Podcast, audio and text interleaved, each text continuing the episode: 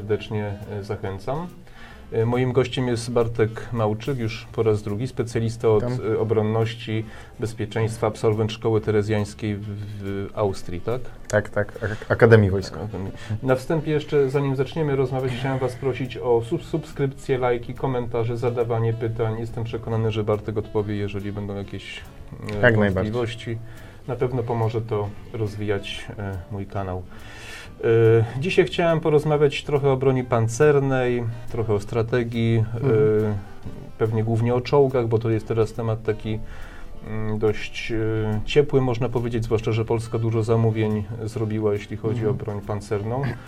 No ale cóż, e, od 1916 roku, od bitwy pod Sommą, kiedy po raz pierwszy użyto czołgów, chyba dużo się zmieniło, nie? Do, No zdecydowanie technologia poszła naprzód. Na ten moment e, broń pancerna jest e, już od II wojny światowej jest głównym czynnikiem służącym przełamywaniu oporu i zajmowaniu terytorium. E, Także no, główny koń roboczy e, dalej e, sił zbrojnych i polskich, i amerykańskich, i w sumie większości państw. taka eksplozja broni pancernej to chyba tak lata 30., prawda? Rosyjskie czołgi typu KW, chyba, prawda? Francuskie, brytyjskie, wiem, że to... to Tak, tak, tak. W latach 30. i wcześniej nawet, już w latach 20. zaczęto robić pierwsze projekty pojazdów, które zaczęto produkować seryjnie, tam BT-5, BT-7 sowieckie, T-26, mm, prawda, czołgi KW. E, W Niemczech e, po układzie z, ze Związkiem Radzieckim także mm, przecież e, pod Moskwą testowano Panzerkampfwagen, tam jedynki, dwójki, trójki i tak Mm, Także wtedy był taki boom, natomiast y, to jak wykorzystywać y, broń pancerną, to dopiero pokazali wszystkim Niemcy. To mówiłeś o tym Pance 1, Pance 2, te, które we wrześniu brały udział w inwazji Tak, na tak, Polskę. tak, Tego tak. o tym, o tym mówiłeś. Sposób działania, sposób korzystania z broni pancernej światu nowoczesny pokazali Niemcy, to się nazywało Blitzkrieg wtedy, prawda? Bo Pantery, Tygrysy pojawiły się później, prawda? Tak, na tak. początku nie było we wrześniu Nie, jeszcze, nie, nie, nie, było tych, tych jeszcze konstrukcji, prawda? Nie, nie, absolutnie. Y, Takim pierwszym chyba czołgiem, y, nie wiem czy pierwszym, ale o nowatorskiej konstrukcji to był T-34, prawda? Tam chodziło o, pochyloną, o pochylony pancerz, który miał odbijać niby pociski, tak? Nie wiem czy to... Znaczy, generalnie T-34 mm, y, jako tako się nie wyróżnia na płaszczyźnie tych pojazdów pancernych y, pierwszymi, pierwszą generacją takich nowoczesnych czołgów podstawowych, bo to też należy powiedzieć, y, to znaczy w czasie II wojny światowej była kwalifikacja na czołgi lekkie, średnie i ciężkie. I tu bardzo elastycznie podchodzo- podchodzono do kwestii związanych z wagą tych czołgów przede wszystkim, no a za wagą szło, szła grubość opancerzenia i e, działo, w które czołg był e, wyposażony. Natomiast e, od lat 50., od pierwszej konstrukcji tam mm, T-54, prawda, czy czołgu M48 i tak dalej, i tak dalej, to już mamy do czynienia z poszczególnymi generacjami czołgów podstawowych. E, czołgi podstawowe e, to jest takie jakby połączenie tego drugowojennego średniego z ciężkim, mm, natomiast są dużo bardziej mobilne, e, mają większy kaliber lufy, tam e, 105 mm to bodajże się zaczynało. No i generalnie to jest taki zunifikowany czołg dla armii danego kraju, bo tak to podchodzono, żeby nie robić kilku konstrukcji, lekkiej, średniej czy ciężkiej. Państwa stwierdziły, to dosyć gromko wszystkie, mm, że e, lepiej mieć jeden rodzaj e, czołgu. Były jakieś tam zboczenia e, czołgów lekkich dla, dla Marines na przykład, czy dla WDW Sowieci mieli takie pomysły. Natomiast dzisiaj to ewoluowało już nie w czołgi lekkie, tylko w coś, co można nazwać niszczycielem czołgów. Rozumiem. Taki przełom technologiczny chyba pojawił się w latach 70., kiedy pojawiły się pierwsze pancerze niestalowe, tak? Takie, Ym, tak, to są pancerze z, z laminatu, y, z połączenia płyt pancernych, ceramiki, kewlaru i, te- i tak dalej, i tak dalej. Z- Zapomniałem miejscowości, ale yy, tutaj pancerz yy, wziął swoją nazwę od mie- miejscowości, w której bodajże został wynaleziony, zaprojektowany z tego co pamiętam było w Wielkiej Brytanii. E, ale tak, wtedy e, akurat te czołgi zrobiły się nagle lekkie, szybsze i zwrotniejsze. Natomiast to, dlaczego to się stało wtedy, stało się ze względu na mm, narastającą, nazwijmy to, zimną wojnę i, i jednak ten wyścig zbrojeń. No i lata 70., 80. to jest, e, prawda, Abrams, mm, to jest w połączeniu e, z helik- helikopterem e, uderzeniowym Apache, to jest ten T7, modernizacje już wtedy T-72, T-80, prawda, prototypy jakichś tym, tych innych czołgów Leclerc, Challenger i tak dalej. Tak. A potrafisz coś powiedzieć o tych polskich konstrukcjach z lat 30.? Tam chyba dwie były polskie konstrukcje. Znaczy, Polacy, yy, polskie biura projektowe miały y, masę świetnych yy, projektów czołgów średnich, czy nawet ciężkich. Natomiast y, to, co my projektowaliśmy, to przede wszystkim były czołgi yy, tankietki no, można to tak nazwać, tankietka, prawda, TKS. Yy, w 1939 roku popularny, prawda? Tak, tak, czy czołgi bodajże PT-7, tu się mogę mylić, ale wydaje mi się, że to, że to był PT-7, nie, czołg lekki, prawda, no, by, mało z tego weszło do produkcji. No, naszą bolączką w 1939 było to, że mieliśmy wiele świetnych konstrukcji, z których niestety mm, albo nie weszło one do użytku, albo było ich zbyt mało, żeby cokolwiek zmienić. A tak już y, płynnie przechodząc do strategii, y, czy zgadzasz się z taką opinią, którą ja wyczytałem w książkach historycznych, że no bo Polska trochę tych czołgów miała w 1939, francuskich, brytyjskich, prawda, że e, duży błąd Polaków polegał na tym, że Niemcy atakowali w zgrupowaniach pancernych, a polskie czołgi były rozproszone i wspierały bardziej piechotę. Znaczy my ilościowo wcale nie mieliśmy za dużo tych czołgów, bo na, a jeżeli chodzi o wiek konstrukcji, no to francuskie mieliśmy tam FT-17, które pamiętały jeszcze e, pierwszą wojnę światową. Także nawet, nawet jeżeli chodzi o ilość tego uzbrojenia i jakość pancernego, to daleko ustępowaliśmy Niemcom. Natomiast nasza e, taktyka użycia tych czołgów, no to by była cała brygada kawalerii, która tam za bardzo nie, e, nazwijmy to, nie była, polskie dowództwo starało się jej nie wykorzystywać. O. E, pozostawała zresztą na, do wyłącznej dyspozycji naczelnego wodza, nie była przypisana bezpośrednio do żadnego innego dowódcy. No i tu żołnierze sami się palili faktycznie do walki, a naczelny wódz wtedy uważał, że to jeszcze nie ten moment. No i przegapił całą wojnę. Natomiast ta brygada kawalerii e, nie zmieniłaby wyniku.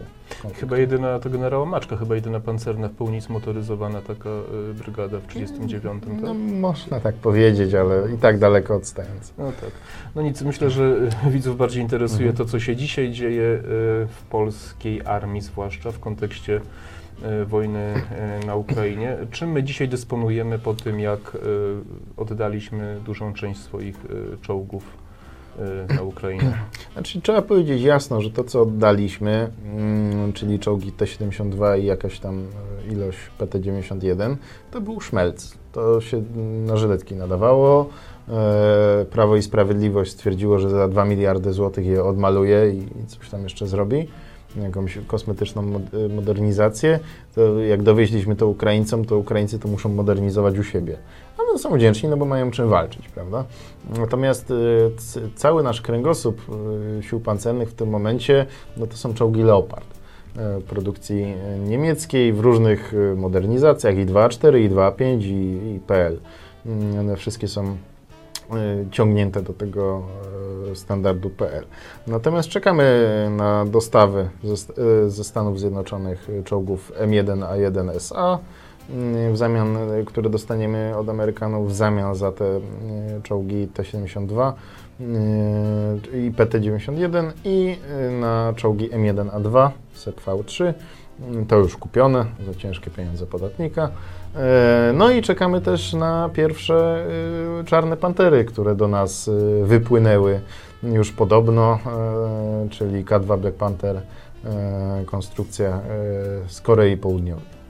A czy różnorodność, że tak powiem, marek czy modeli czołgów to nie będzie problem na przyszłym polu, ewentualnym polu walki? Logistyka, części, serwis, prawda? I tak, Tak, to, to, to jest y, zawsze problem, no bo lepiej jest mieć y, jeden y, typ czołgu i na nim sobie bazować. Tak robią no, nawet największe armie świata. No, przecież Amerykanie korzystają tylko z Abramsów, a M1A2 do M1A1 jest bardzo podobny. Także do momentu, kiedy nie zastąpimy wszystkich leopardów także, y, tymi czarnymi panterami z Korei Południowej, no to będziemy mieli problem logistyczny. A jak wygląda sytuacja y, wozów bojowych? Y, Bo, Piechoty. y, BWP-ów? tak, Y, No, mamy całkiem sporą ilość BWP-1. y, Jest to konstrukcja pamiętająca jeszcze czasy Nikity Chruszczowa. E, Także e, no tak z 60 lat ma, prawda? Nie chroni to absolutnie przed niczym. e, Nie nadaje się to do niczego, nie da się z tego strzelać, bo jest niecelne. Mm, I to już powinno się wycofać e, z uzbrojenia 30 lat temu. Niestety e, wszystkie poprzednie rządy traktowały sprawę po macoszemu, łącznie z tym zresztą, który dopiero postawiony pod ścianą coś zaczął myśleć. No i teraz są dwa scenariusze. Pierwszy scenariusz to jest taki, że zakupimy mm, BWP Borsuk, czyli BWP produkowany nakładem sił e, Polskiej Grupy Zbrojeniowej. W końcu po wielu latach e, prób i testów stworzony. Mm, A druga opcja jest taka, że zakupimy dodatkowo do borsuków e, AS-21 Redback. To jest też konstrukcja z Korei Południowej i, i chodzi o to, że e, nasz przemysł może nie wydolić z produkcją tych borsuków. W związku z tym jako takie rozwiązanie pomostowe i część e, takiej tej ciężkiej dywizji 18, w której będą Abramsy mm, tak dalej, i tak dalej, że tam też będzie się znajdował ten E- AS-21 Redback z bardzo prostej przyczyny, no w porównaniu do Borsuka to mm, jakby można by stworzyć osobną kwalifikację, że to jest ciężki bojowy wóz piechoty, no bo ma dużo lepsze opancerzenie i, i systemy. A, jak uważasz, że ponieważ tutaj spory trwają y, i jedni twierdzą, że era czołgów i takich wozów pancernych się kończy, inni twierdzą, że wręcz przeciwnie. Amerykanie zdaje się robią projekt czołgu Mhm. następnej generacji, prawda? Więc to by mogło Mhm. świadczyć o tym, że jednak era czołgów się nie kończy. Czy tu bardziej chodzi o sposób zastosowania na nowoczesnym polu walki? I czy to, co kupujemy, mm, będzie odpowiadać ewentualnie naszej jakiejś strategii wojennej, prawda? Znaczy, y, generalnie era czołgów jeszcze się nie kończy. Y, Moim zdaniem y, w jakiejś postaci to ona się nigdy nie skończy, bo zawsze jest, zawsze będzie potrzebny nosiciel ciężkiego uzbrojenia, dobrze opancerzony. Natomiast zmieniają się systemy, w które te czołgi są wyposażone. Y, Dzisiaj zupełną podstawą y, na polu walki jest y, szyfrowana łączność, która jest ciężko do zakłócenia. Na tym cierpią Rosjanie, prawda, że, że nie mają tego, korzystają z walkie-talkie, a później się dziwią, że im z drona coś na łeb spada. Natomiast no, zwalczanie dronów, prawda, tutaj z grubsza tydzień temu fińska, chyba fińska Patria zaprezentowała pojazd do zwalczania dronów mikrofalami. Mm, Zresztą na, na podwoziu tym, co mamy Rosomak. Ros... A nie, przepraszam najmocniej. Y, amerykańska firma na podwoziu y, y, ichniejszych y, kołowych transporterów opancerzonych. No u nas by to można faktycznie posadowić na Patrii, czyli y, tam, gdzie mamy, to jest ta konstrukcja co Rosomak. W Ameryce to się, w USA to, się- to się nazywa Striker. Także to jest kwestia zabezpieczenia tego ciężkiego nosiciela działa, tak to nazwijmy, czołgu, z systemami, które umożliwią mu przeżywalność od kolejnych nowych zagrożeń, prawda, czyli dronów, no to y, mamy, prawda, zintegrowany mm, karabin maszynowy, który można by wyposażyć w jakieś, jakąś tam sztuczną inteligencję, niech wychwytuje, zestrzeliwuje te drony, czy, czy jakieś właśnie działko mikrofalowe przyszłości. No na dzień dzisiejszy y, taką y, ciekawą y, nowinką montowaną, no to są systemy soft kill i hard kill, prawda? Soft kill, czyli to jest mm, jakby zakłócacz możliwości trafienia, e, czyli przykładowo granaty dymne, czy, czy jakieś urządzenie, które kontruje napromieniowanie laserem, wykrywa i kontruje. Automatycznie oczywiście wszystko się dzieje bez udziału załogi. Albo hard kill. I to jest na przykład amerykański system Trophy, czy rdzenny system z Korei Południowej, który będzie montowany na naszych czarnych panterach. I system hard kill jest to jakby przeciwpocisk. Takie ładunki z granatami, tudzież z przeciwpociskami montowane są dookoła czołgu i po wychwyceniu że jakiś, y, jakiś efektor, jakiś pocisk nadlatuje, no to, y, to wystrzeliwany jest taki granat, jest taki ładunek mm, i w przypadku pocisku kumulacyjnego ten pocisk po prostu wybucha przed pancerzem, nic się nie dzieje, natomiast w przypadku pocisku sabot, no to taki e, przeciwpocisk może albo zmienić lekko trajektorię, co w zupełności wystarcza przy takiej sile żeby ten e, sabot nie przebił e, nie przebił opancerzenia e, lub go złamać nawet, no bo to jest jakby twarde, ale kruche. Podobno w rosyjskich czołgach, głównie chyba te 72 zdaje się oni mhm. używają, dużym problemem zdaje się jest na przykład rozmieszczenie amunicji w pojeździe, że ona jest tak. wszędzie i niezabezpieczona i, i wiele mhm. czołgów wybucha nie dlatego, że tam została dobrze trafiona, tylko dlatego, że trafiono w amunicję. W nowoczesnych czołgach, rozumiem, jest to lepiej zabezpieczone i ryzyko wybuchu amunicji jest y, znacznie mniejsze, prawda? Znaczy, e, główną różnicą, którą ma taki T-72 czy T-90, czy w ogóle każdy czołg rodziny rosyjskiej, jest fakt, że y, Rosjanie postawili nie na ładowniczego, czyli na fizycznego członka załogi, który ładuje tą amunicję, tylko na y, tak zwany automat ładowania. To jest karuzela e, z pociskami umieszczona lekko pod pierścieniem wieży. No i stąd po trafieniu w tą karuzelę, prawda, dochodzi do e, zapłonu amunicji dlatego widzimy tyle ruskich wież, prawda, oderwanych od e, kadłubów. To jest rdzenny problem wszystkich konstrukcji radzieckich. Tam postawiono na szybkostrzelność, a nie na przeżywalność załogi, no bo kto by się przejmował załogą. Natomiast w konstrukcjach zachodnich, czyli Leclerc, czy, czy Abrams, czy Challenger, jest dodatkowy członek załogi, czyli ładowniczy i on z szafy, która zajmuje się, znajduje się na tyle mm, wieży, z szafy pancernej tak naprawdę odsuwa yy, z wewnątrz zabezpieczenie i wyciąga ręcznie, prawda, ładuje, czołg strzela.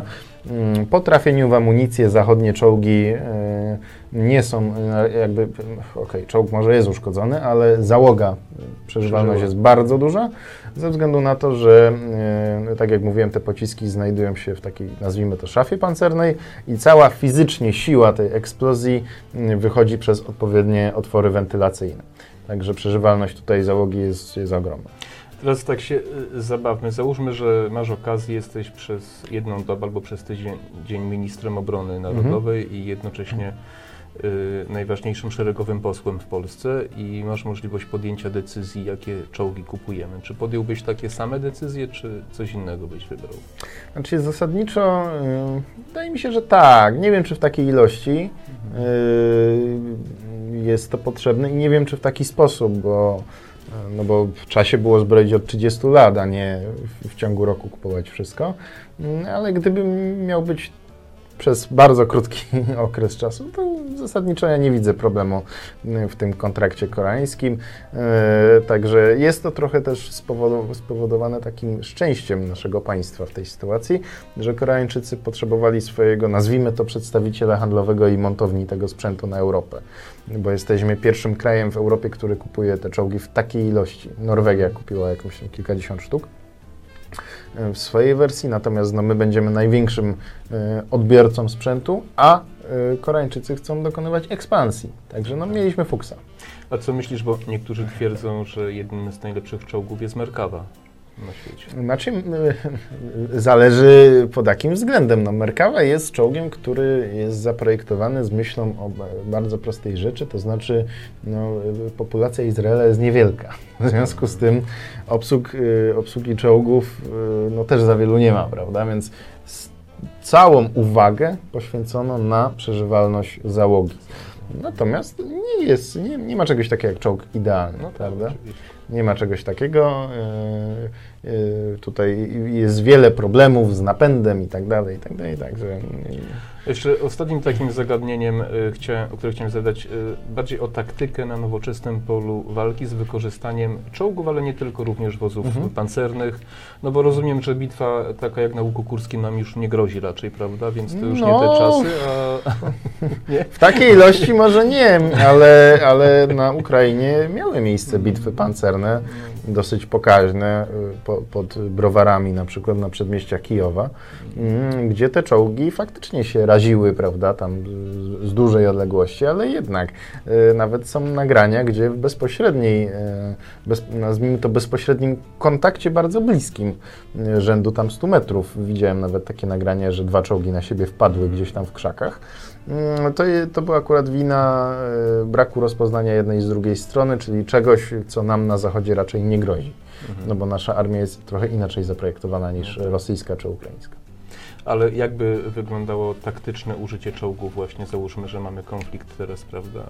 Y, Właśnie, żeby nie tracić tak jak Rosjanie tracą Mhm. tych czołgów, prawda? Znaczy, głównie y, czołgi dzisiaj, jeżeli są używane w właściwy sposób, to ta taktyka zbytnio się nie zmieniła.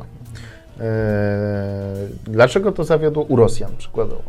Dlatego, że Rosjanie nie mieli e, wystarczającej ilości personelu do tego, żeby te czołgi osłaniać piechotą. Bo e, czołg sam z siebie nic nie zrobi. Jego jest łatwo zniszczyć, jeżeli nikt go nie osłania. Jeżeli e, stąd te sytuacje z dżewlinami i tak dalej, i tak dalej. I e, wystarczy popatrzeć, e, jakby Rosjanie używają ich aż tak źle, że można sobie popatrzeć na ich straty. Prawda? No jeżeli zniszczono im 2000 czołgów, a, a ludzi zginęło 60 tysięcy, no to to jest takiej ilości, że prawda, No tam tak. 30, czy dobrze liczę, 30 Rosjan na jeden czołg? O Jezus. No, to Chyba tak, rzeczywiście. chyba tak. E, na jeden zniszczony czołg. E, także wyliczając pilotów, załogę i tak dalej, po prostu nie, nie mieli do tego personelu. Natomiast używane czołgi e, w sposób taki, jak od wielu lat jest ich taktyka raczej użycia w takiej wojnie, nazwijmy to konwencjonalnej, bo mm, w niekonwencjonalnej jest, e, w asymetrycznym konflikcie jest inna ich trochę rola. Natomiast w konflikcie ko- konwencjonalnym po prostu więcej bajerów dochodzi do, na pole walki, prawda? Bo drony, główny taki zmienny czynnik, zakłócacze e, sygnałów radiowych i tak dalej. No i taki przykład mm, w, w czołgach, e, w Abramsach, mm, każdy dowódca czołgu e, ma e, trzy radia ze sobą. Ma radio e, w czołgu, ma radio swoje i często ma jeszcze radio zapasowe No tak. bo wiedzą, że łączność jest najważniejszym elementem na polu walki. Natomiast widziałem takie wraki czołgów, że e, tam po prostu nie ma radia. I zresztą można sobie poglądać na YouTubie e, tych e, poberowych rosyjskich, którzy sami to mówią, że no, co ja mam zrobić? No, no mam jechać bez radia? to w 30 latach były popularne takie parady czołgów w Związku Sowieckim, gdzie tam chorągiewkami pokazywali, A, no prawda? tak. To, No to to jest ten poziom. czterech pancernych oglądał, Tak, to może to, to, to, zobaczyć, nie, tak. to zupełnie na poważnie ten poziom się często gęsto nie zmienił. Takie już ostatnie pytanie a propos naszych zachodnich sąsiadów, to znaczy, bo teraz tym podstawowym czołgiem jest Leopard, Mhm. podobno no, nowy czołg nowej generacji to będzie Pantera. Tak. Py- Pytanie, czy logiczną konsekwencją będzie Tygrys następny. E, znaczy to, mm, jak popatrzymy na e, okres wykorzystania czołgu, czyli e, dzisiaj no, te czołgi z lat 70 80 to jest 50 lat, prawda? Mm, No to czołg KF-51 wydaje mi się, że można, można by stwierdzić, że to, co teraz jest projektowane, to będzie generacja pośrednia. Że za 20-30 lat e, pojawi się e, kolejna generacja, która nie będzie miała zupełnie nic wspólnego z tym, co, ma, co widzimy dzisiaj. Nie wiem, być może będzie to już wykorzystywało coś w postaci działa szynowego zamiast zwykłej armaty. Może będzie miało jakiś y, niebywały kaliber, prawda? W każdym razie jestem przekonany, że na tyle jeszcze mamy y, pole do popisu z technologią, która, k- którą mamy dzisiaj, że możemy to wsadzać do tych starych konstrukcji.